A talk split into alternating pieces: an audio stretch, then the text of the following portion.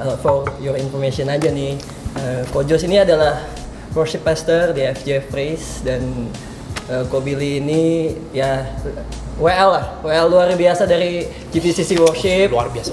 Sangat talented sekali. Maksudnya ngaruh nggak sih uh, gunung yang ada di dalam kehidupan kita itu mem- mempengaruhi nggak terhadap pelayanan kita? Misalkan dari dari segi maksudnya kan pelayanan kalian berdua kan suatu pelayanan yang di atas panggung ya, yang semua orang tuh lihat gitu loh. Nah, maksudnya itu mempengaruhi nggak atau malahan sebenarnya jadi kekuatan?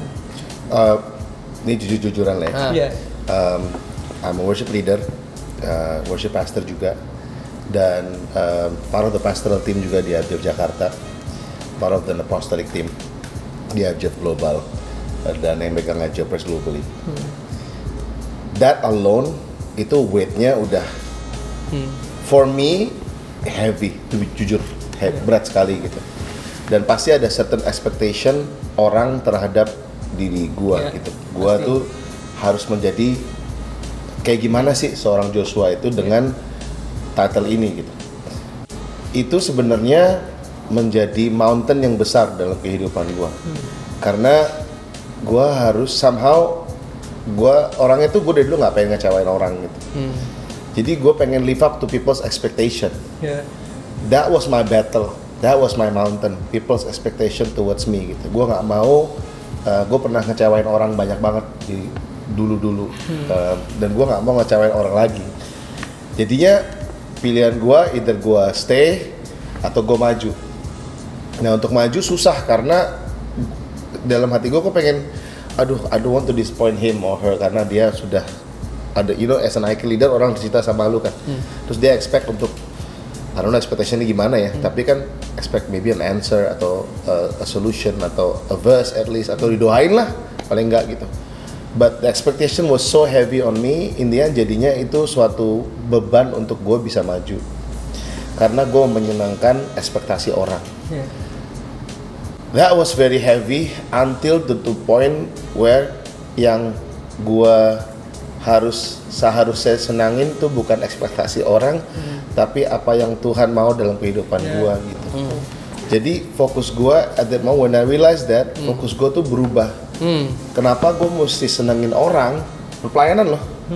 Tapi sama yang main mau nyenengin orang gitu, mau nyenengin your leadership, mau nyenengin your sheep, mau nyenengin teman sepelayanan gitu. Lu you pour out everything. Pasti. waktu waktu lu, weekends lu, making sure everybody's happy gitu. Tapi intinya mereka pun juga nggak happy gitu. Mereka pun juga pasti bikin lu juga, aduh kenapa I should have done better gitu. Tapi sebenarnya yang once I shift my focus sebenarnya yang gue mau senengin itu bukan ekspektasi orang tapi apa yang Tuhan mau nyenengin Tuhan. That's when everything comes light. Um, the weight is the same tapi gue nggak ngerasainnya gitu. Malah gue bisa jalanin dengan lebih baik karena fokus gue bukan kepada um, apa nyenengin orang tapi fokus gue nyenengin Tuhan. Dan mau menggenapi apa yang Tuhan mau dalam kehidupan gue Amin. and that that gara-gara itu all this title does not mean anything karena I'm just Joshua Artono yang mau nyenengin Tuhan yang Joshua sembah Amin. Untuk Koko Billy sendiri? Tadi kan Josh cerita bagaimana dia menghadapi si gunung ini dan akhirnya hari ini you are better than ya your past. You are now your, a better be- version of uh, your the the Joshua in the past. I think that's what mountains do to you. hmm. Itu yang gunung lakukan ke kita. Gue juga sering dengar teman-teman yang abis ngedaki Semeru segala. Mereka selesai dari sana, itu mereka they're stronger, stronger not just physically Yeah. but they're mentally stronger juga. Dan gua rasa uh, setiap dari kita udah pasti ada mountains. Pasti. Jadi nggak usah sedih gitu. Dan mountains itu, iya. Dan mountains itu ada untuk kita conquer. Ya. Kalau nggak ada mountain, kita nggak tahu kita bisa mengconquer sesuatu gitu. Dan kan Tuhan bilang kan bahwa kita ini harus berkuasa. Kita ini adalah eh, penguasa di bumi gitu. That's that's our destiny. Memang itu panggilan Tuhan. we have dominion mandate Betul, Tuhan tulis di kejadian bahwa kita harusnya berkuasa. Eh, jadi kita seharusnya jangan berkecil hati kalau ada gunung, ya hadepin aja, hadepin dengan peng- dengan pengertian bahwa eh, God is in control. God knows what's going on. God knows about this mountain. Tuhan tahu loh, Yeah. bukan Tuhan nggak tahu. Kita jalanin aja, and we will go out stronger at the end. Kita akan mengakhiri semuanya dengan eh, kapasitas yang jauh berbeda, dengan mentalitas yang jauh lebih kuat, dengan cara pandang yang jauh lebih lebar. Right. Apalagi sebagai musisi gitu ya, industri ini kan sangat tidak menentu. Jangankan di Indonesia, secara global pun dari waktu ke waktu berubah. Iya. Cara kita mendapatkan nafkah dari dulu awalnya jual kaset, terus pindah ke CD. CD pindah ke digital. Digital lagunya dijual satu lagu 5.000, 8.000 gitu kan. Sekarang orang ada yang mau beli. orang maunya streaming, bayar bulanan. Jadi eh, selalu berubah dari waktu ke waktu. Jadi eh, I have no knowledge of what's gonna happen in 2 3 years time. Banyak sekali ketidaktahuan, mountainnya tetap di sana. Tetapi hey, hari ini Tuhan tetap pelihara. I am uh, where I am today. Hidup uh, nggak cuman berkecukupan, tetapi lebih dari berkecukupan. I have a good family, I have good life, dan semua itu karena gue tahu bahwa uh, Tuhan selalu in control. Iya. betul. Setiap mountain yang ada itu bukannya Tuhan nggak tahu, Tuhan tahu. Betul. Dan gue percaya setiap mountain yang ada kita hanya harus hadapin, jalanin, terus saja naikin, terus naikin dan tahu bahwa sewaktu kita mendaki gunung tersebut kita nggak sendirian. Ya, Iya. Gitu. Itu itu itu penting karena mendaki gunung sendirian tuh capek banget. mendaki sen- gunung sendirian itu we can get we can get frustrated we can stop halfway tetapi when you know that you're not alone and you're not just alone but the king is with you Yeah. Every step of the way Oh. itu kita tahu bahwa kita akan berkemenangan pada akhirnya nggak kita nggak perlu tahu apa yang akan terjadi 2-3 tahun yang lalu that's why I feel that right now I have a freedom Josh a freedom of needing to know about the future. I don't need to know about the future. All I need to know is that God is beside me and any mountains yang ada di yang ada di depan gue, gue hanya perlu jalanin and I know I will come out victorious. Amin. Gue suka banget sama dia ngomong uh, semuanya. Tapi uh, tadi yang ngingetin gue pas dia bilang um, setiap orang definitely punya mountains dan Tuhan tahu mountainsnya. Dan somehow mountains itu sebenarnya baik buat kita. That's what you said, right? gue bayangin gue kalau naik mountains cuma bisa bayangin doang. gue bayangin. Yang gue lagi bayangin juga. Gue lagi naik mountains. Susah. Mungkin pertama-tama kalinya um, it's easy karena memang masih landai lah bahasanya gitu. Pelan-pelan lu naik, pelan naik, pasti ada momen di mana lu ngerasa capek. Pasti. Tapi momen itu you know that oh gue masih bisa nih. And then you kick in gitu. And maybe adrenaline kicks in juga karena lu wah punya ambisi mau sampai ke sana. But maybe ada satu momen di mana lu udah nggak bisa lagi untuk ngandelin kekuatan lu. Lu mesti ngandelin kekuatan yang di luar lu. That's when you realize that wah gue nggak bisa hidup sendiri pakai kekuatan gua. Gue cuma bisa hidup pakai kekuatan yang lebih dari gua. Gitu. Iya. Sometimes mountains in your life happens untuk ngingetin lu bahwa hey ada loh yang namanya Tuhan buat kita. Ada yang namanya Kristus buat kita. Lu nggak usah berantem sendiri, lu nggak lu nggak usah ngelewatin mountain sendiri. I'm here for you. That's what he said. I'm always here for you. We might not know apa yang ada di depan. All we want to know tadi bilang all Billy wants to know is just cuman hanya ada yang namanya Yesus yang selalu dekat sama gue. Jadi apa pun yang di depannya Billy, you just go through it. And he knows dia bisa ngelewatin mountain ini bukan karena kekuatannya dia. Amin. Jadi pertanyaannya itu bukan masalah tentang kita bisa atau enggak, tapi dengan siapa kita berjalan. Hmm. Nah, sekarang kita mau bahas tentang gunung-gunung di dalam tim pelayanan eh pelayanan di tim present worship. Iya. Ya. Lack of communication. Lack of communication. Sebenarnya tim present worship di gereja apa pun sebenarnya ah, ah, masalah yang dihadapin mirip-mirip sih. Bener komunikasi. Komunikasi itu banyak komunikasi sama eh, sama-sama Satu tim. satu tim. Komunikasi ke bawah kalau kita sebagai WL atau MD atau pemimpin kan kita juga harus bisa komunikasi sama tim yang kita pimpin. Sama komunikasi ke atas itu juga yang justru yang gue sering dengar curhatan itu adalah bagaimana WL sama uh, leadership itu susah untuk uh, Atau sama head department hand, mungkin. head department, creative department segala Right. kan harus bisa uh, menyamakan persepsi segala Hmm. ya. Paling itu sih masalah yang sering ditemukan. Submitting ke leadership juga. Ya. ya biasa juga yang gua kalau gua hadapin gitu kan curhatan dari temen-temen juga biasanya kayak misalkan nggak asik dengan ma- main tim yang lain atau nggak milih-milih masalah yang umum lah ya terjadi gitu kalau misalkan di dalam pelayanan Di dunia band ya di dunia band apalagi kalau misalkan kayak Apa genre soalnya ya? ya Beda- genre genre Gen- abis itu genre, yang iya, satu jazz genre. yang satu rock abis itu yang Gospel. gospel gitu. Perlu chops, yang satu Iya. chopsnya kebanyakan. Chop the chop, gitu iya kan. gitu Oh, jadi saya sukanya pork chop. Once itu terjadi kita mesti sebenarnya cek sih em, kenapa kita melayani. Em, kita melayani itu fokusnya ke mana? Kalau begitu fokusnya kepada kita, maka kita akan melakukan sesuatu yang membuat kita nyaman. Pasti dong, ya kan? Tapi kalau fokusnya kepada orang lain, pasti kita mau somehow mau orang lain itu nyaman. Sama juga sebagai relationship ya sebagai suami istri kalau fokusnya ke kita terus coba aja deh selama seminggu dua minggu tiga minggu Eh, paling burung berkicau bapak di rumah ya tapi kalau begitu fokusnya kita memfokuskan kita marriage ini juga terhadap each other we become selfless yang penting kita mau em, menyenangkan dia kita mau menjadi suami yang baik kepada Jessica Billy kepada Sally Saya Sally kepada- kepada Billy Jessica kepada saya Joshua siapa udah kita ya, Jesus. ngomongin kita Yesus lebih nyaman gitu. Tapi kalau begitu, you need to do what I want. Hmm. You need to do what I want. In the end, itu pasti akan menjadi problem ya pasti. Dan bersama juga dengan pelayanan gitu. Kenapa kita melayani? Namanya juga melayani. We are serving gitu. Imagine kita sebagai waiter di restoran, kita serve customer kita, kita serve orang yang ada di sana.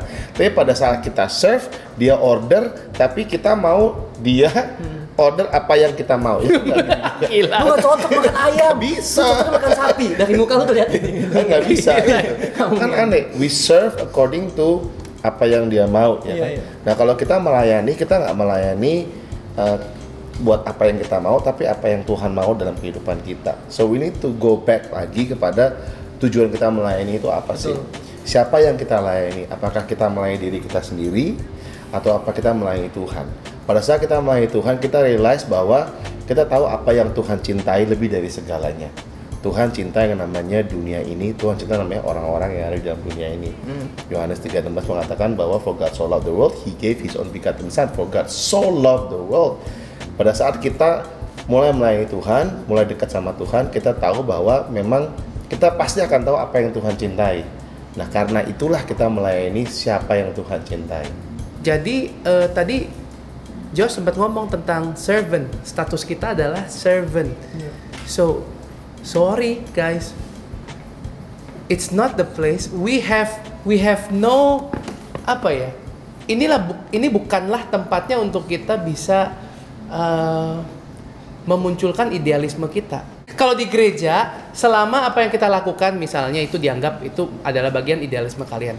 Selama itu bisa membantu jemaat Tuhan, membantu mereka lebih dekat dengan Tuhan, ya sah-sah aja. Tapi again, you guys need to know bahwa kita nggak melakukan ini sendiri. Yeah. Kita melakukan as a church, as a team. Dan kalau misalnya orang punya orang membawa warnanya sendiri-sendiri dan lain sebagainya, ya butek warnanya ya kan kecampur banyak banget gitu. Jadi kita mesti bertemu di tengah. Kita mesti in a way uh, kita nggak bisa selfish lah. We need to be selfless in a way.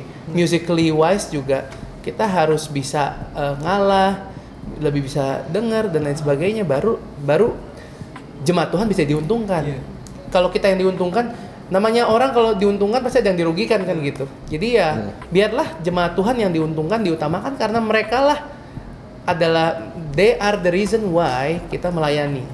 Karena Tuhan rindu melihat jemaat Tuhan di eh, diberkati.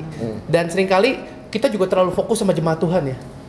Akhirnya kita mengorbankan satu tim. Itu juga yang yang gue sering lihat bahwa mereka bekerja sedemikian keras, merencanakan sedemikian hebat, tapi timnya dibombardir, nggak istirahat, latihan sampai malam segala. Itu juga, ya. itu juga you need to check again. uh, is it right? Karena uh, mereka pun adalah orang yang Tuhan kasihi juga. Jadi ya kita harus make sure memang nggak nggak mudah ya melayani Iya, itu emang nggak mudah tapi justru kalau kita bisa sukses kalau kita bisa do well dalam pelayanan di marketplace pasti bisa Iya. Nah, sebagai leader, sebagai uh, mungkin myself as a worship pastor gitu ya, we need to realize bahwa the mind behind the gun is more important than the gun itself. Jadi orang yang di belakang instrumen itu sebenarnya penting juga gitu. Sometimes kita hanya mikirin tentang audio outputnya, tapi kan ada somebody atau something yang ngeluarin audio outputnya. Nah kita sometimes lupa bahwa as leaders itu mereka ini adalah orang yang harus kita layani juga. Like what Billy said, kita terlalu fokus dengan apa yang jemaat butuhkan, tapi ini semua kan these are, are volunteers lah yang mereka juga ingin merasakan. Dan banyak mountains mountains atau masalah-masalah terjadi karena um, uh, there's not enough communication in terms of relationship. Karena ekspektasi lu sebagai pelayan Tuhan lu melayani dong bro gitu. Tapi kan kita mesti realize bahwa Tuhan itu datang ke dunia Tuhan ciptain kita itu untuk mempunyai hubungan dengan ciptaannya. Kenapa kita nggak spend waktu untuk kita mempunyai good relationship with people? And that will create communication and that will create conversation. Kita sering kali suka punya mindset tuh event minded atau success minded Eh, ibadah harus sukses dan lain sebagainya. Tapi kita lupa hal-hal yang basic yang kecil-kecil. Tapi kan Tuhan bilang setiap ada perkara kecil maka aku akan mempercayakan kau perkara besar. sering kali kita tuh mindset kita bagaimana ya bikin aransemen yang terbaik? Bagaimana membuat event lighting yang paling top tier tapi kita ngelupain hal-hal kecil yang Tuhan titipin. Apa sih hal-hal kecil our own lifestyle. Habis bangun pagi ngapain? Hmm. bagaimana melibatkan Tuhan dari se- keseharian kita? Hmm. tim sepelayanan kita yang sering kali kita we miss because we are too focused on the big picture sampai tim our own family people closest orang terdekat dalam kehidupan kita yang Tuhan sudah tempatkan kita lupain mereka gitu. Jadi eh, kalau saya my strategy adalah to focus on the small things. For me Uh, make sure the small steps yang harus gue lakukan tuh sudah tepat dilakukan. Dan gue percaya hal yang besar itu otomatis akan terjadi. Nggak perlu kita paksa-paksain nggak perlu kita uh, ngoyo gitu. Yang penting keep equipping keep loving the people around us. Uh, make sure kita we preach what we speak That- juga. true. itu penting banget. Soalnya sering kali kita musisi platform minded yang penting di atas panggung. Bener semakin ini mungkin Josh bisa relate ya semakin kita berumur ya Josh. Kita makin ngerti bagaimana yang di panggung itu my goodness itu sama sekali nggak menentukan apa apa loh Iya. ternyata loh. Ternyata ternyata itu adalah eh, akibat dari sebuah sebab. Sebabnya apa sih? Sebabnya adalah hal-hal kecil. Bagaimana kita membangun keluarga kita bagaimana kita membangun hubungan sama Iya. Tuhan itu hal kecil. Tapi signifikannya luar biasa dampaknya terhadap hal besar yang kita idam-idamkan tersebut. What is the relation of the presence of God between music and songs? Oh, jadi Good musik sama songs itu apa hubungannya dia dengan presence dengan hadirat Hadirat. Tuhan? Good question. Yahoo! Good question. Yang pasti nggak perlu musik untuk Ya. kita bisa merasakan presence of God. Ya. setuju Tetapi lewat musik dan lewat lagu bisa menjadi salah satu alat alat bantu untuk eh, bisa mengun, eh, apa ya membuat kita merasakan hadirat Tuhan. Sebenarnya Tuhan hadir loh. Hmm. Itu yang itu gua nggak seberapa setuju kalau kita mengundang hadirat Tuhan Hmm. karena sebenarnya hadirat Tuhan sudah ada. Right. Even here tetapi kita modenya are we in the mood to receive, to Aware apa feel, enggak? aware atau enggak gitu. Nah, songs, music, lyrics Yeah. are powerful tools. Kan ada ada ada kuasa di dalam perkataan kan. Nah, itulah uh, tools yang bagus untuk kita bisa pakai untuk bisa uh, membangkitkan iman kita, menyelaraskan diri kita dengan firman. Uh, tadinya kita um, distracted, jadi we redirect ourselves To the through music to the presence of God. Gimana cara bikin lagu rohani yang lagunya bisa didengar sama semua ya orang? di play aja lah Bukan, bukan. Lagu rohani kan Lagu rohani. bisa didengar semua orang. Iya. Gue jawab sependek-pendeknya ya. Simple, catchy. Udah pasti bisa didengar semua orang. Ya. And um, lagunya you have to put it out there. Iya. Maksudnya kalau lagunya lu udah tulis, terus lu simpan di voice note handphone lu, Nggak bisa. eh, secara logika eh, orang nggak akan bisa dengerin kecuali lu dan handphone lu. Iya. Taruh YouTube gratis. Iya, betul. Next. Next. Um, dan juga sorry dan juga simple dan catchy ditambahkan dengan pada saat kita menulis lagu kita mindset kita apakah lagu ini lagu pribadi atau lagu untuk orang kita nyanyi sama-sama kalau itu tujuannya kita mau orang nyanyi sama-sama how can you not be tired of facing other people's problem how can Billy not tired nah tulisannya how can Billy not tired of facing other people's problem Because I love those people. Oh, kok Billy yang ide apa? yang ide apa? Depannya udah Ko Billy. Ko Billy gimana sih awalnya bisa jadi songwriter bahkan sam- sampai seperti sekarang? Bagus loh ini kok. Aduh lama ini. Ayo, Bill, gimana Bisa di caranya aja jadi nggak? songwriter bahkan sampai seperti sekarang? eh dimulai dari apa yang Tuhan berikan. Apa yang Tuhan berikan di awalnya mungkin kecil, sepele buat gue. Gue gue lahir bukan sebagai penyanyi yang suaranya bagus banget atau musisi yang jago banget, tapi ya terus dikelola, terus dikembangkan, setia eh, pada perkara yang Tuhan titipkan, eh, lakukan itu untuk Tuhan dan untuk orang lain. Kayaknya gitu kali. ya. Saat Billy jadi WL, apakah perlu untuk selalu Billy memberikan words di setiap pergantian lagu pada saat Billy melayani Tuhan? I believe this kind of things is not a matter of style. Orang suka bilang, oh itu gereja itu tuh kalau dari lagu ke lagu nggak pernah ngomong apa-apa, itu style mereka. Oh lagu, oh, kalau gereja ini dari lagu ke lagu selalu ngomong sesuatu, itu style mereka. It's not about style. We we go back. Apa sih fungsinya? Apa sih kegunaannya? Apa sih manfaatnya? For me, kalau kita ngomong sesuatu di awal lagu atau di tengah lagu atau di akhir lagu bahkan, itu tujuannya untuk membantu orang semakin paham dan connect dengan lagunya. Hmm. Eh, karena contoh orang datang ke gereja, rebutan parkiran, mungkin abis ngurusin anaknya, mungkin abis ribut sama istrinya atau Tukang parkir. ap- atau lap atau lapar Iya. atau udah kepikiran abis nonton abis main ap- apa abis ibadah mau nonton film apa nih gitu kan otaknya kan pikiran di mana-mana nah dengan kita berbicara itu kita me- me- mendirect mereka ke satu titik yang kita mau mereka fokus. Dan itu eh, sering kali gue pribadi gue lakukan itu. Untuk misalnya eh, biar orang paham lagu ini tentang apa. Biar mereka dikasih review atau sinopsis lah lagunya seperti apa. Tujuannya itu kan sebenarnya. Biar orang tahu dan orang gampang klik sama lagunya. Itu sih. But keep it short. ya Um, you're not a preacher. You're Yep. the worship leader. Amen. So let the preacher preach. Let the worship leader lead worship. Yes.